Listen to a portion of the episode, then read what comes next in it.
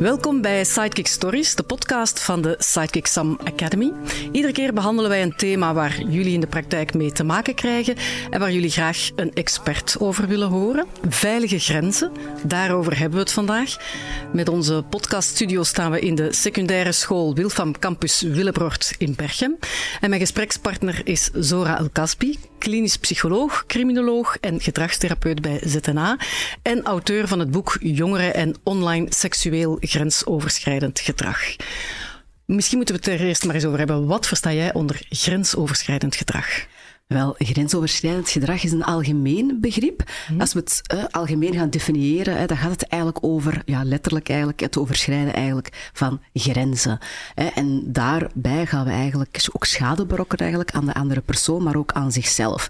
Vaak wordt dat ook gelinkt aan seksueel grensoverschrijdend gedrag, maar het is eigenlijk breder dan dat. Hè. dat is, ook als we gaan kijken naar Sensoa, die hebben een aantal kenmerken om grensoverschrijdend gedrag te definiëren. Dat gaat dan eigenlijk over, is er een akkoord, is er een toestemming, is er gelijkwaardigheid, is er vrijwilligheid, past het gedrag wel in de situatie, hoort dat wel bij die leeftijd en wat voor impact heeft het eigenlijk op de situatie. Zijn er een soort universele grenzen die voor iedereen gelden, of zijn die grenzen toch vooral individueel? We kunnen zeggen dat grenzen ook wel cultureel bepalend zijn, maar er zijn wel een aantal grenzen.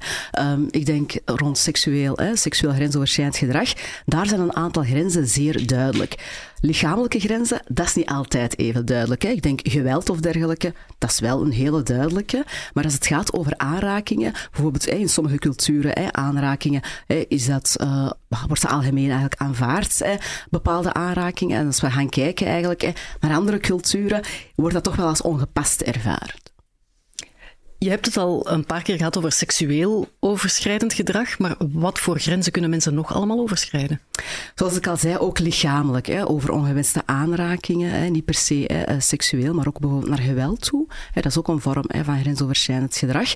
We kunnen het ook nog algemener eigenlijk bekijken. Hè, diefstal, hè, het iets ontnemen van iemand anders, hè, kan ook worden gezien hè, als een soort hè, van grensoverschrijdend gedrag.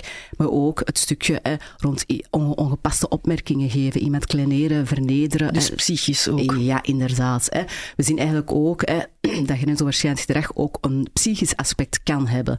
Hè, zoals ik er juist ook zei, ongepaste humor, ongepaste uh, uitspraken, hè, een, iemand ongelijk behandelen of dergelijke. Dat zijn ook allerlei vormen waarbij het algemeen welzijn wordt overschreden. Snijdt dat even diep als de fysieke zaken, dat psychische? Wel, um, ik kan dat zelf niet beantwoorden. Waarom? De manier waarop iemand grensoverschrijdend gedrag ervaart, is persoonlijk. Ja? Um, dat kan zijn eigenlijk dat een bepaalde, een bepaalde situatie, eenzelfde situatie, voor uh, één persoon heel diep snijdt, hè, maar misschien voor een andere persoon veel minder. Dus het is eigenlijk wel voor sommigen toch wel subjectief en persoonlijk. Zijn bepaalde leerlingen kwetsbaarder? Krijgen zij vaker te maken met grensoverschrijdend gedrag? Wel, helaas wel. Hè. Er zijn ook onderzoeken uh, gedaan dat, dat we zien dat bepaalde groepen vaker worden geconfronteerd met grensoverschrijdend gedrag. Welke groepen zijn dat dan juist? Wel, LGBTQ-community, daar zien we eigenlijk dat zij ook vaker worden geconfronteerd met grensoverschrijdend gedrag. En ook vaker eigenlijk seksueel grensoverschrijdend gedrag. Dat merken we ook wel. Maar ook jongeren met een andere migratieachtergrond zien we eigenlijk ook dat die vaak ook worden geconfronteerd met grensoverschrijdend gedrag. Daarnaast ook jongeren met een beperking uh, zien we eigenlijk ook dat dat... Uh, uh, Hoe kun je als leerkracht merken dat een leerling te maken krijgt met grensoverschrijdend gedrag? Zijn er signalen die heel duidelijk kunnen zijn? Er zijn verschillende alarmsignalen. Die zijn soms heel duidelijk, maar soms zijn ze niet zo duidelijk. Of in sommige gevallen kan je het eigenlijk gewoon niet zien. Maar ik kan wel een aantal signalen meegeven. Hè. Bijvoorbeeld, die, sommige die heel duidelijk eigenlijk zijn, zijn de lichamelijke signalen. Hè. Bijvoorbeeld blauwe plekken of dergelijke. Dan kan je misschien wel de vraag stellen van, oh, is hier sprake van geweld geweest? Daarnaast hebben we ook wel een aantal gedragssignalen. Als we gaan kijken bijvoorbeeld jongeren die beginnen te spijbelen, eh, jongeren eh, waarbij er een leerachterstand opeens uh, uh, wordt veroorzaakt. Uh, jongeren die bijvoorbeeld moeilijkheden hebben om te concentreren. Jongeren die niet obsessief gedrag, maar dat kan misschien ook. maar jongeren die bijvoorbeeld agressief gedrag stellen of opstandig gedrag stellen. Dat kunnen allerlei signalen ook zijn. Het emotionele aspect, hè, daar zijn ook signalen voor. Die zijn misschien moeilijker te herkennen, maar die zijn ook aanwezig. Stemmingswisselingen. Want dat kan ook een beetje bij puberteit horen natuurlijk. Klopt, inderdaad. Hè. Dat kan zeker bij puberteit horen, maar als we merken dat er in één keer een grote verandering eigenlijk heeft teweeggebracht, dat ervoor niet aanwezig was, kan men die vraag eigenlijk wel stellen. Ik denk ook dat het belangrijk is om u niet enkel te baseren op één factor of één situatie, maar wel naar verschillende factoren eigenlijk te kijken. En als we zien dat daar een, een opeenstapeling van verschillende factoren, dat er wel een verandering is in gedrag, uh, in, uh, in uw stemming, in uw emoties of zo, dan kan je misschien wel die vraag eigenlijk stellen. Uit een bevraging die we deden in samenwerking met TeacherTap blijkt dat bijna 40% van de respondenten er geen zicht op hebben of leerlingen erover durven te praten als iemand hun grenzen overschrijdt. Hoe schat jij dat in? Goh, ik vind het heel moeilijk eigenlijk om er een cijfer op uh, te plakken. Um, wat ik wel uh, uh, daarover kan meegeven is dat ik wel merk dat voor sommige jongeren is het inderdaad heel moeilijk hè, om te praten over grensoverschrijdend gedrag. Maar hier gaat het over de leerkrachten die het dus niet zien. Ja.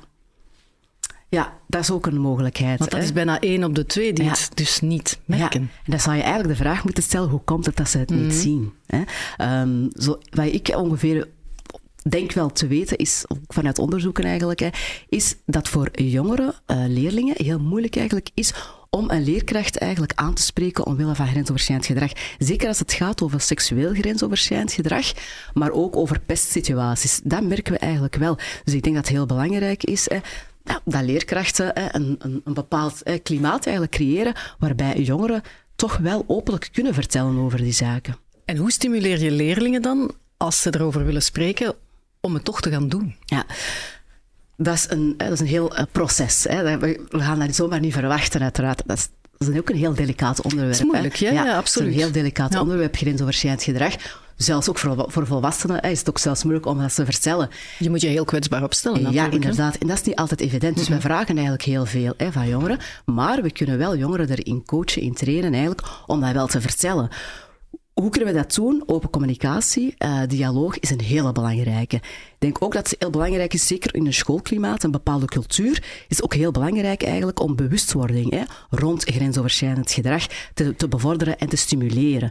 Op die manier wordt er een klimaat gecreëerd, een veilig klimaat. Dat is heel belangrijk, dat er een veilig klimaat wordt gecreëerd, zodat jongeren eigenlijk weten van ik kan dit hier bespreken en ook sneller eigenlijk de stap gaan zetten om dit te bespreken. Moeten er dan heel duidelijk specifieke leerkrachten zijn die um, aanspreekpunten zijn, bijvoorbeeld? Dat hoeft niet per se, maar dat zou natuurlijk wel uh, een meerwaarde kunnen zijn. Hè. Um, zo aanspreekpunten rond integriteit, dat bestaat eigenlijk al hè, in bepaalde jeugdorganisaties. Um, ik weet niet of dat op scholen ook bestaat, maar je hebt op scholen wel... Allee, vroeger in mijn tijd heette dat dan de groene leerkracht. Ik weet niet of dat, dat nu nog de groene leerkracht heet. Ik denk dat het tegenwoordig sidekick Sams zijn, maar... ja, ja, ja. maar uh, er zijn wel vertrouwenspersonen op school. Hè. Maar ik denk dat het heel belangrijk is dat die vertrouwenspersoon ook heel zichtbaar is. Hè. Uh, dat jongeren ook weten dat ze bij hen terecht kunnen komen. Uh, en ook uh, uh, om die vertrouwen eigenlijk te kunnen creëren, ja, moet er open communicatie eigenlijk zijn. Hè? Want stel, als leerkracht weet je dat iemand zijn grenzen worden overschreden, hoe ondersteun je dan zo'n leerling? Ja, dus als je op de hoogte bent hè, van mm. hè, grensoverschrijdend gedrag van een leerling, is het belangrijk eigenlijk om nabijheid te bieden. Dat is het allerbelangrijkste, nabijheid te bieden en te luisteren. Dat is eigenlijk hè, wat die jongeren op dat moment nodig hebben. Maak zeker geen vaste beloftes hè, van ik ga dit en dit doen en ik ga voor jou dit oplossen. Nee, op het eerste, de eerste, hè, uh, ja, ik zou zeggen uren of zo, of momenten, hè, luisteren en nabijheid eigenlijk bieden. Hè. En dan eigenlijk ook het gevoel hè, dat ze hebben ervaren op dat moment van dat grensover, grensoverschrijdend gedrag, dat ook erkennen. Hè, want er kunnen gevoelens zijn hè, van woede, verdriet, frustraties. En ja, die leerlingen moeten wel het gevoel hebben, hebben dat er wordt geluisterd en dat ook het gevoel wordt erkend. Als we gaan kijken dat er misschien meer nodig is, hè, dan is het belangrijk dat de leerkracht hè, met de jongeren gaat bekijken van oh, ik zie dat de situatie um, heel ernstig is, of ja, ernstig eigenlijk is, om toch wel nodige stappen te nemen, is het belangrijk hè, om heel transparant te zijn naar die leerlingen welke stappen dat je eigenlijk gaat ondernemen. Als je in communicatie gaat met bepaalde leerkrachten, geef dat dan ook aan. Als je de ouders gaat betrekken, geef dat dan ook aan. Doe niets achter de rug, want op die manier ga je eigenlijk een onveiligheid creëren. En is de kans ook veel kleiner dat hè, de leerlingen de volgende keer terug naar jou gaan komen en ja, dingen in vertrouwen gaan vertellen. Als er hele heftige dingen zijn gebeurd, hoe kan je vermijden dat iets echt een trauma wordt als je er op tijd bij bent en het op de juiste manier aanpakt? Ja, dat is ook een hele belangrijke, wat je ook aangeeft. Hè. Niet alle negatieve ervaringen leiden tot een trauma. Ik denk dat één op drie die negatieve ervaring heeft meegemaakt, één op drie daarvan wordt effectief een trauma. Wat is heel belangrijk voor ons dan, hè, voor leerkrachten dan ook, of voor hulpverleners, is, uh, is en vooral ook die veiligheid terug eigenlijk aanbieden. Dat blijft een superbelangrijke. In communicatie eigenlijk gaan luisteren. Hè. Um, ook die nabijheid ook aanbieden. En wat, wat, je ook nog kan doen, is samen eigenlijk bekijken van oké, um, welke mogelijke risicofactoren hè, kunnen hier een rol eigenlijk spelen tot misschien het ontwikkelen van een trauma, hè, om die eigenlijk zo laag mogelijk te houden, waarbij we eigenlijk de veerkracht van de leerlingen gaan versterken. Want dat is een hele belangrijke, hè, die veerkracht. Ja, ja. Resilience of veerkracht is superbelangrijk hè, om, um, om toch om toch te, te zien dat die negatieve ervaringen geen impact gaan hebben op je verdere ontwikkeling.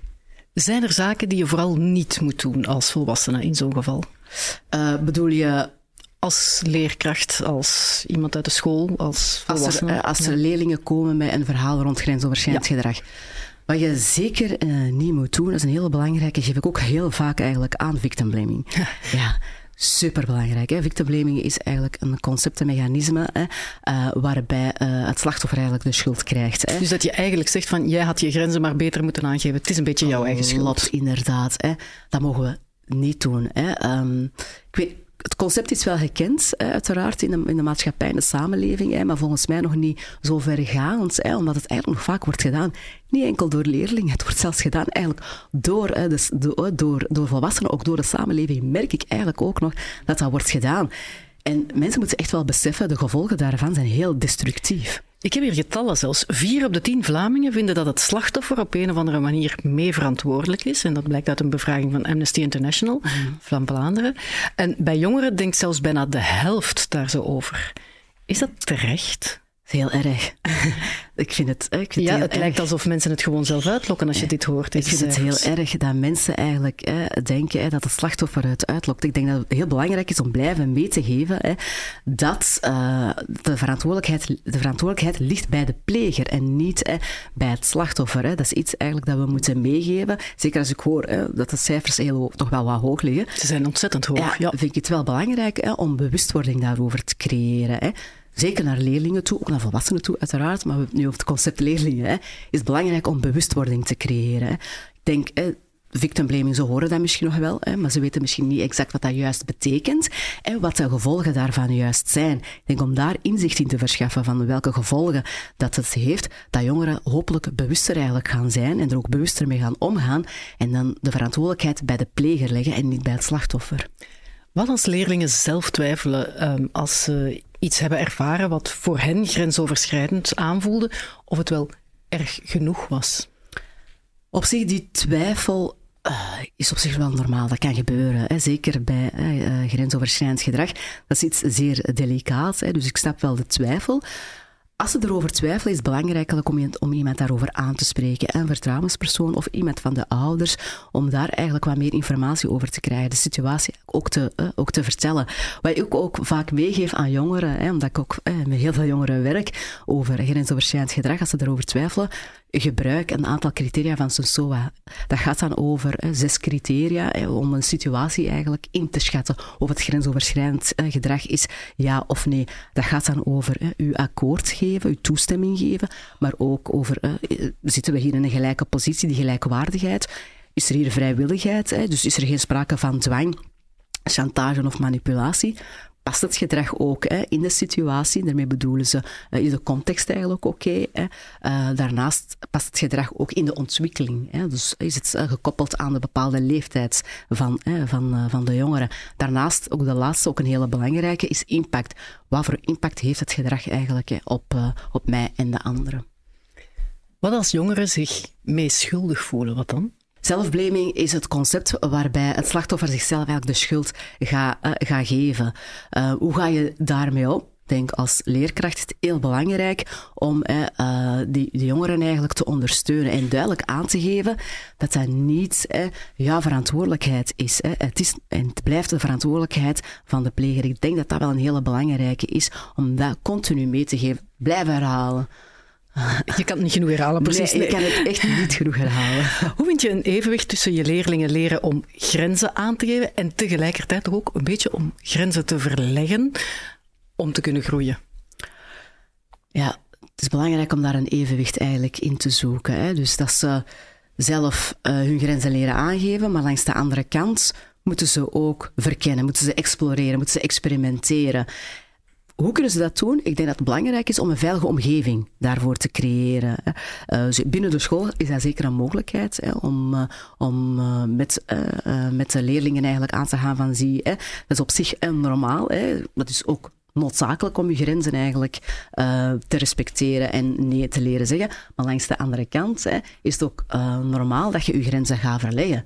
Weet, dan als leerlingen kunnen dat ook als, sorry, als leerkracht kunnen dat ook communiceren om eigenlijk aan te geven van als je je grenzen verlegt, ik ben er ook wel voor jou. Hè. Dat gaat mij vallen en opstaan. En op zich is dat normaal. Maar als we merken hè, dat de grenzen te veel worden verlegd, weet dat er iemand eigenlijk is waarbij ze terecht kunnen.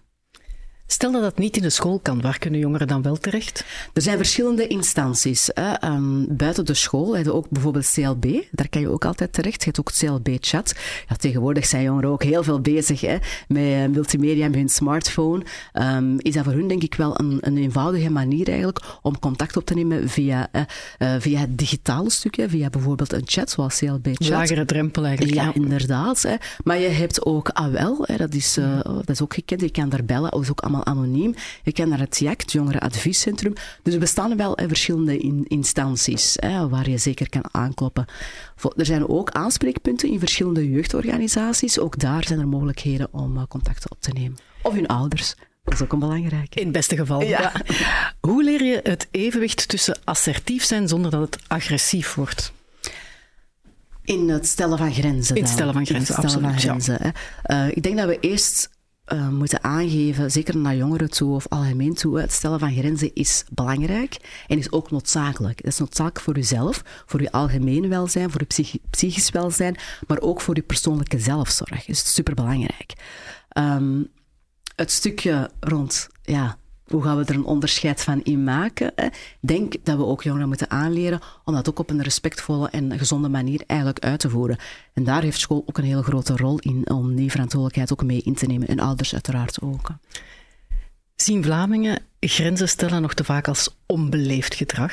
En, en dan denk ik heel concreet aan actrice Clara Kleimans. Ja. Die gaf al aan dat ze het heel moeilijk vindt om nee te zeggen, bijvoorbeeld, omdat ze zegt: Ik ben te goed opgevoed ja. om nee te zeggen. Ja, dat moeten we loslaten. Ja, dat moeten we loslaten. Hè. Onbeleefd gedrag, hè. dat stuk dat hoort er zelfs niet bij. Hè. Daar gaat het ook niet over. Hè. Het gaat eigenlijk om duidelijk aan te geven hè, waar dat jij je goed bij voelt en waar dat jij je niet te goed bij voelt. Hè. Dat zijn duidelijk je grenzen eigenlijk stellen. En, zo, en, en zoals ik al zei, hè, dat is noodzakelijk hè, voor je welzijn, hè, voor je psychisch welzijn, voor je zelfzorg. Um, is dat dan onbeleefd gedrag? Als dat zo is, ja, let's be it. Ik bedoel, op dat moment, hè, als er grenzen worden overschreden, heb je bepaalde gevoelens. Hè. Je bent, je, of je wordt kwaad, je wordt gefrustreerd, noem maar op. Ja, als je dan onbeleefd reageert, is dat dan een ramp? Merk je verschillen per generatie? Zijn de jongeren van nu, dus degenen die hier zitten en zo, zijn, staan zij daar verder in dan hun ouders? Um, ik vermoed van wel. Hè. Ik ben, de dingen die ik momenteel zie, zeker in eh, social media en dergelijke, merk ik dat eigenlijk wel. Hè. Ik, heb wel het idee dat jongeren um, opener eigenlijk zijn om het vertellen eigenlijk over grensoverschrijdend gedrag. En ook uh, um, het, het beter lukt eigenlijk ook om grenzen te stellen.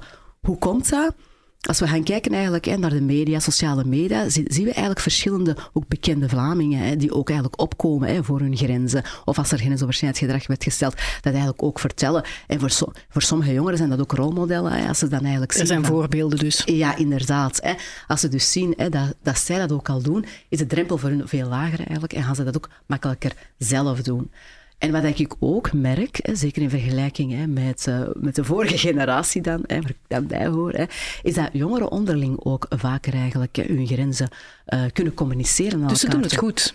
Ze doen het zeker goed, ja, zeker. Fijn. Ja. Wat als je leerlingen leert om nee te zeggen en ze merken dat er toch niet geluisterd wordt naar hen wanneer ze hun grenzen aangeven? Dat is een moeilijke natuurlijk. Ja, dat is een moeilijke. Hè. Wat ik dan vaak adviseer is, hè, blijf je grenzen zeker communiceren. Hè.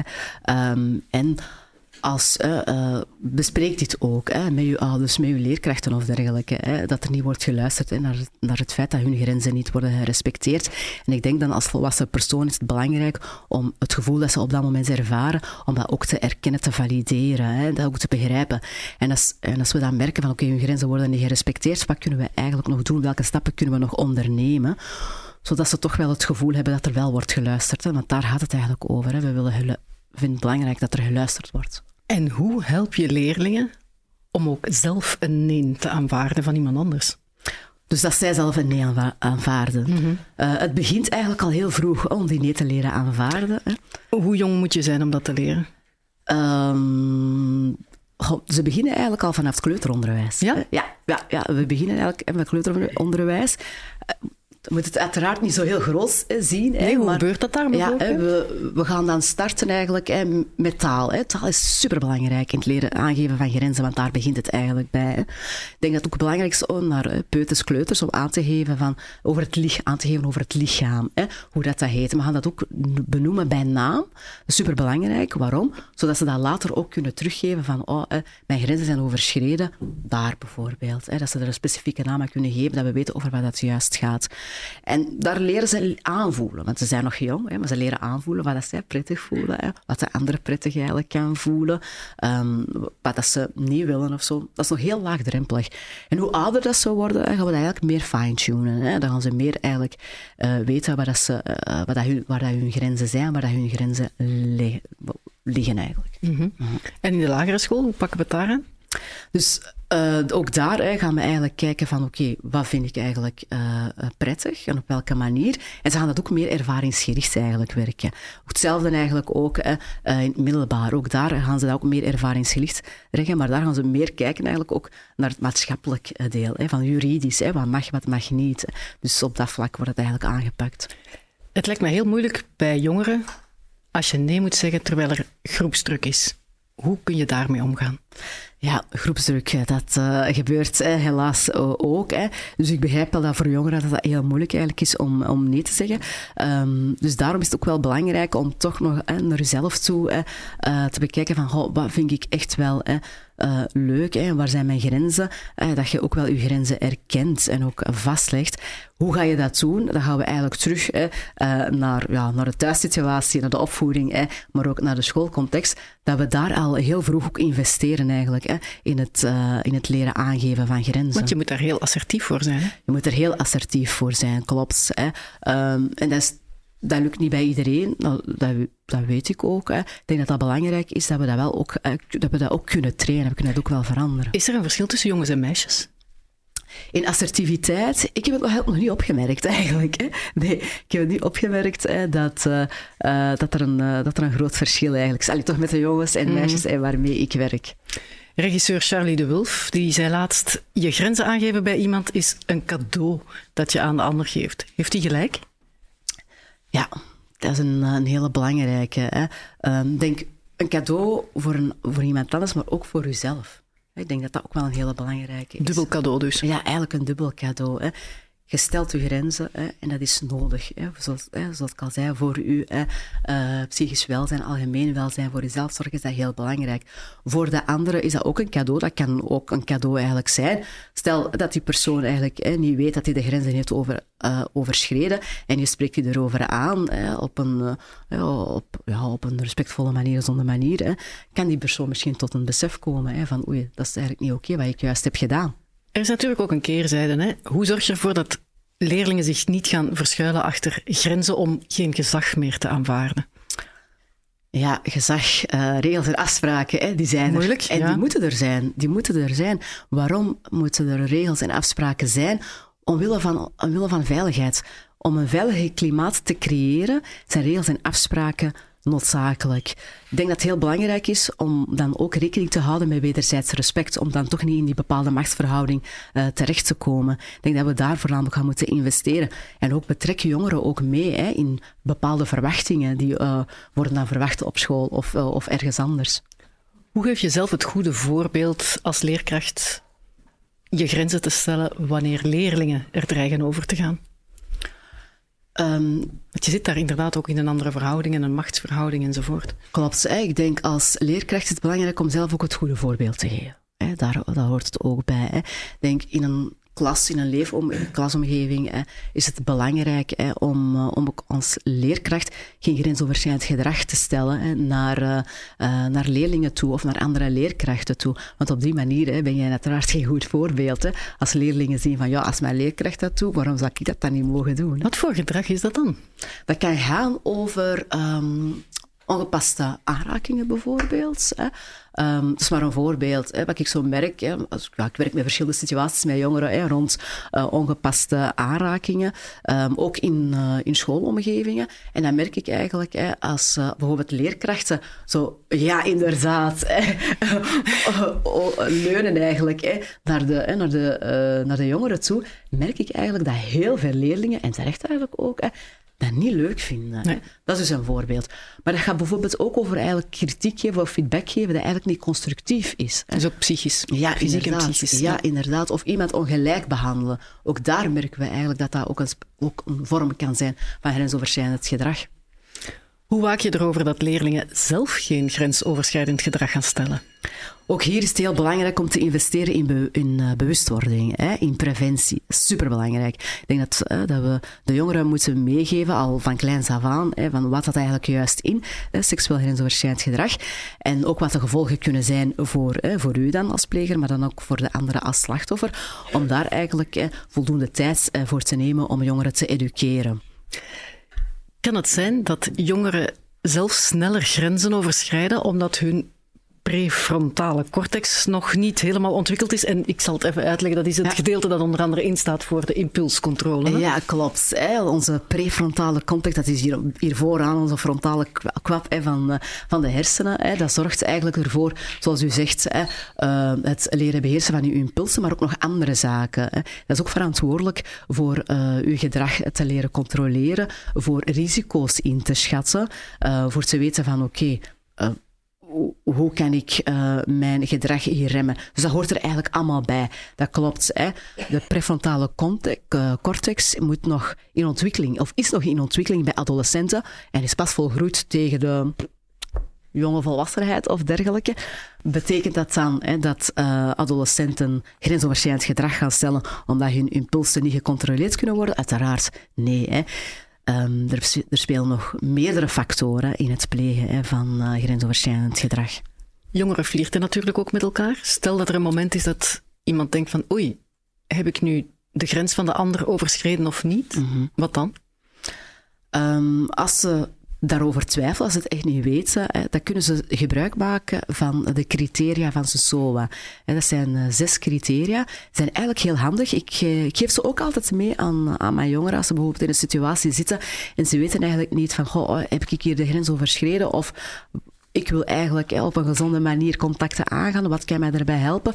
Dus dan ga ik met de jongeren die zes criteria overlopen. Dus je gaat dan bekijken naar de situatie. Dan gaan we zien van, is er een akkoord of is er een toestemming? Is er gelijkwaardigheid, dus bijvoorbeeld op basis van leeftijden? Is er hier vrijwilligheid? Hè? Doe ik het omdat ik het wil of doet, het ander, doet de andere het omdat hij of zij of die het wil? Dan gaan we ook kijken, het gedrag dat wordt gesteld, past dat wel bij de ontwikkeling?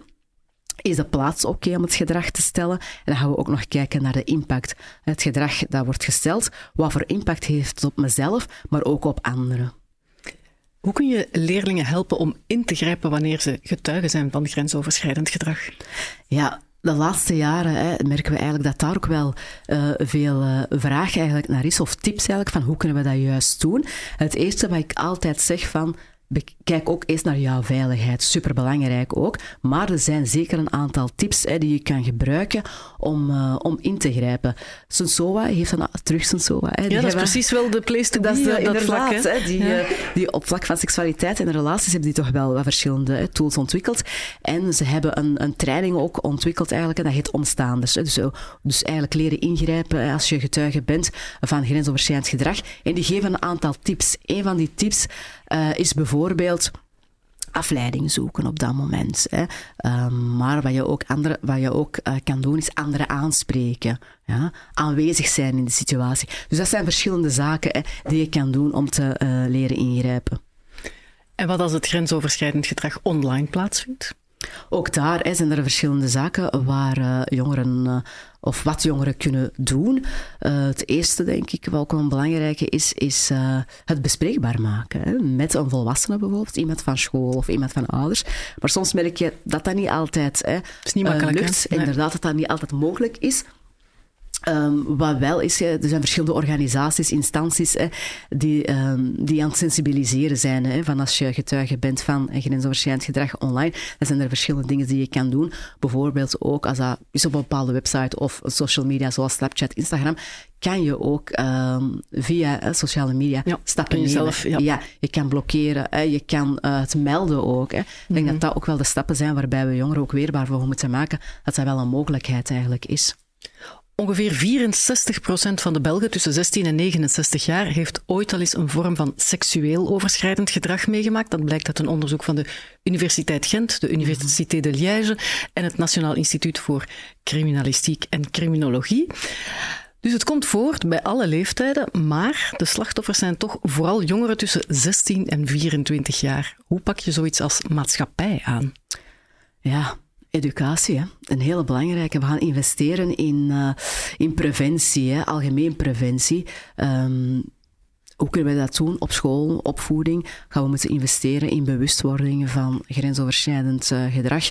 Algemeen, niet per se hè, seksueel grensoverschrijdend gedrag, maar nogmaals, nogmaals moeten we eigenlijk aangeven van of, be, of jongeren bewust uh, maken van wat is juist uh, grensoverschrijdend gedrag, in welke vormen komt het eigenlijk juist voor, want er is een spectrum in grensoverschrijdend mm -hmm. gedrag en niet iedereen is altijd op de hoogte uh, van welke soorten grensoverschrijdende gedragingen aanwezig eigenlijk zijn. Ik denk dat het ook wel onze taak is als maatschappij om jongeren daar ook wel bewust voor te maken. Wordt het erger of is er meer aandacht voor dan in het verleden? Want het aandeel jongeren dat in 2022 zei minstens één keer ongewenst aangeraakt te zijn, bedroeg toen ruim 25 procent. En in 2018 was dat nog maar 18,9 procent. Ik denk dat het een en-en is. Hè. Uh, ik denk sowieso dat het wel meer onder de aandacht komt. Ja, al die MeToo-verhalen, iedereen heeft ze ja, gehoord. Ja, inderdaad, wat juist zeggen. En de MeToo-verhalen, andere bekende uh, personen die vertellen over hun grensoverschrijdend gedrag. Het, het, is ook gewoon meer bespreekbaar. Er wordt nu een cultuur gecreëerd, eigenlijk een openheid gecreëerd, waarbij personen, ook jongeren, meer die zaken gaan bespreken. Is er een toename? Dat ook. Dan merken we eigenlijk ook dat er een toename is uh, van grensoverschrijdend gedrag. Maar meer specifiek hè, van online seksueel grensoverschrijdend gedrag. Dus dat merk ik eigenlijk wel, dat daar wel... Moeten we dan denken richting dickpics sturen en dat soort zaken? Of? Onder andere. Of ook hè, naaktfoto's hè, uh, trachten te bekomen hè, op een uh, zeer manipulatieve manier en die dan ook verspreiden. Dus geen vrijwillige sexting en dat ja, soort dingen? inderdaad. Ja. Dus dat merken we eigenlijk ook allemaal. Helaas. Bij vrouwen liggen de cijfers iets hoger, 8 op de 10, dan bij mannen, 5 op de 10. Protect your daughters, educate your sons. Lees je dan op de social media? Ja. Is dat terecht of is dat kort door de bocht? Dat is uh, kort door, Ja, uh, door de bocht, uiteraard. Hè. Uh, waarom? Het feit dat we eigenlijk enkel gaan richten hè, van educate your sons. Dus de jongeren moeten we educeren eigenlijk. Hè. Nee, wij moeten iedereen educeren. Daar gaat het over. Hè. En ik vind het ook heel, heel, heel binair eigenlijk denken. Hè. Want het gaat echt specifiek over jongens en meisjes.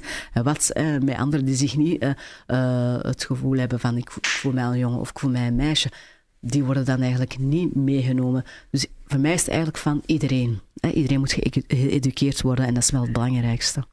Hoe kaart je als leerkracht dit soort dingen aan zonder dat je je leerlingen bang maakt voor sociale en seksuele relaties? Ik denk dat we ook moeten investeren eigenlijk in de positieve aspecten van uh, seksualiteit en relaties. Ook terug bewustwording, superbelangrijk. Uh, uh, ook nog preventie gericht op relationele seksuele voorlichting, maar ook waar we eigenlijk de gezonde aspecten van seksualiteit gaan benadrukken.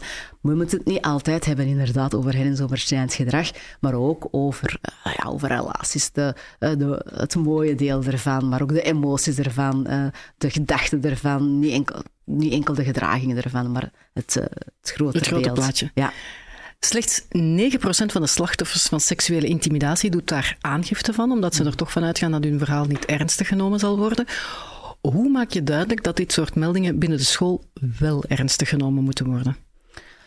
Ik denk dat het belangrijk is om een beleid te ontwikkelen, op schoolniveau, over wat juist grensoverschrijdend gedrag juist is. En dan specifiek ook gericht dan op seksuele intimidatie, wat dat eigenlijk allemaal juist inhoudt. En wat de gevolgen daarvan ook zijn als dat gedrag wordt gesteld. Ik denk dat, dat, denk dat het daar eigenlijk al gaat starten. Dat iedereen weet van wat dat eigenlijk juist is. En op die manier gaat het eigenlijk al een, een cultuur openen, uh, sorry, een cultuur creëren eigenlijk, waarbij mensen open eigenlijk gaan zijn en dat sneller ook gaan kunnen vertellen en misschien ook gaan kunnen melden. En wat daar ook nog heel belangrijk is, wat ik ook soms merk, ook bij jongeren, um, zeker op scholen, dat ze niet altijd weten waar dat ze terecht moeten. Hè? Wie hen kan helpen eigenlijk. Waar moeten ze een aanmelding gaan doen? Dat wou ik eigenlijk net gaan vragen, inderdaad. Hoe kunnen scholen daarop reageren? Wat kunnen zij daaraan doen? Ik denk hè, dat ze eigenlijk hun ja, ik noem het dan nu even hulpverlening hè, vanuit school, dat ze dat echt zichtbaar gaan moeten maken hè, naar jongeren toe. Ik denk, ja, maak een uh, of organiseer een themadag hè, rond een bepaald uh, thema, zoals seksueel grensoverschrijdend gedrag of seksuele intimidatie, hè, of een, een, een, project eigenlijk over, zodat jongeren weten wat dat juist eigenlijk is, maar ook dat jongeren weten van waar kunnen ze hulp inschakelen en bij wie dat ze terecht kunnen komen. Dankjewel, Zora El-Kasbi, dat je je kennis over het thema veilige grenzen wilde delen met de Sidekick Sam Academy. Mhm. En dank jullie wel ook aan Wilfam Campus Sint-Willebroort in Berchem om ons te ontvangen. Dat is graag gedaan.